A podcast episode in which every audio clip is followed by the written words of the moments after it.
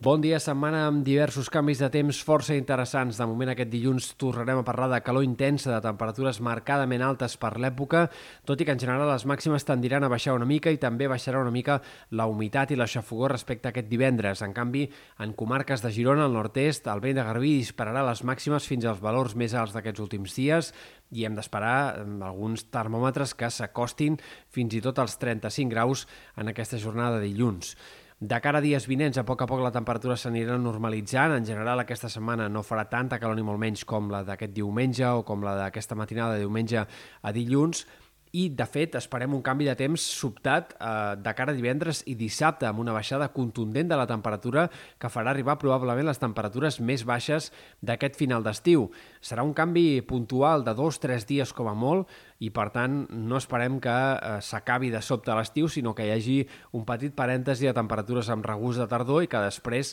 a partir de diumenge, inici de la setmana que ve, tornem a un escenari altre cop de temperatures més o menys altes per l'època i encara amb més sensació d'estiu que de tardor. Pel que fa a l'estat del cel, destaca sobretot la possible tongada de ruixats que tindrem aquest dimecres, que s'assembla una mica a la de divendres passat, en el sentit que apunta sobretot a afectar comarques de la costa i que és poc clar quines poden ser les zones més afectades i si realment hi haurà quantitats de pluja abundants en alguns casos. Força incertesa en el pronòstic, hem de tenir en compte que les pluges poden arribar a ser continuades durant la jornada de dimecres, eh, que sobretot, com deia, van d'afectar punts de la costa i del prelitoral, però no és gens descartable que pugui haver-hi també algunes quantitats de pluja significatives a la Catalunya central o en punts del Prepirineu o del Pirineu Oriental i caldrà esperar per veure on apunten les quantitats de pluja més importants. Alguns models les fan situar cap a sectors de les comarques de Girona, altres més aviat cap a les Terres de l'Ebre una altra vegada. Veurem si en noves actualitzacions es pot acabar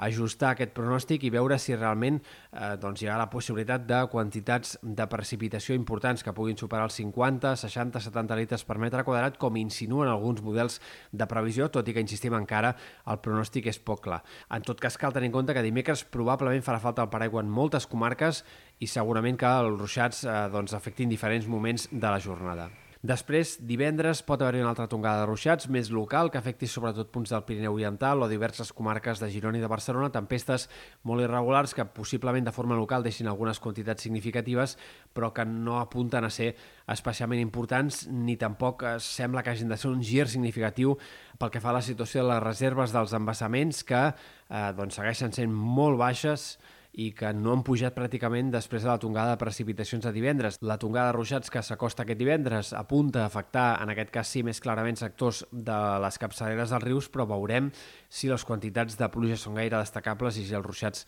són gaire extensos.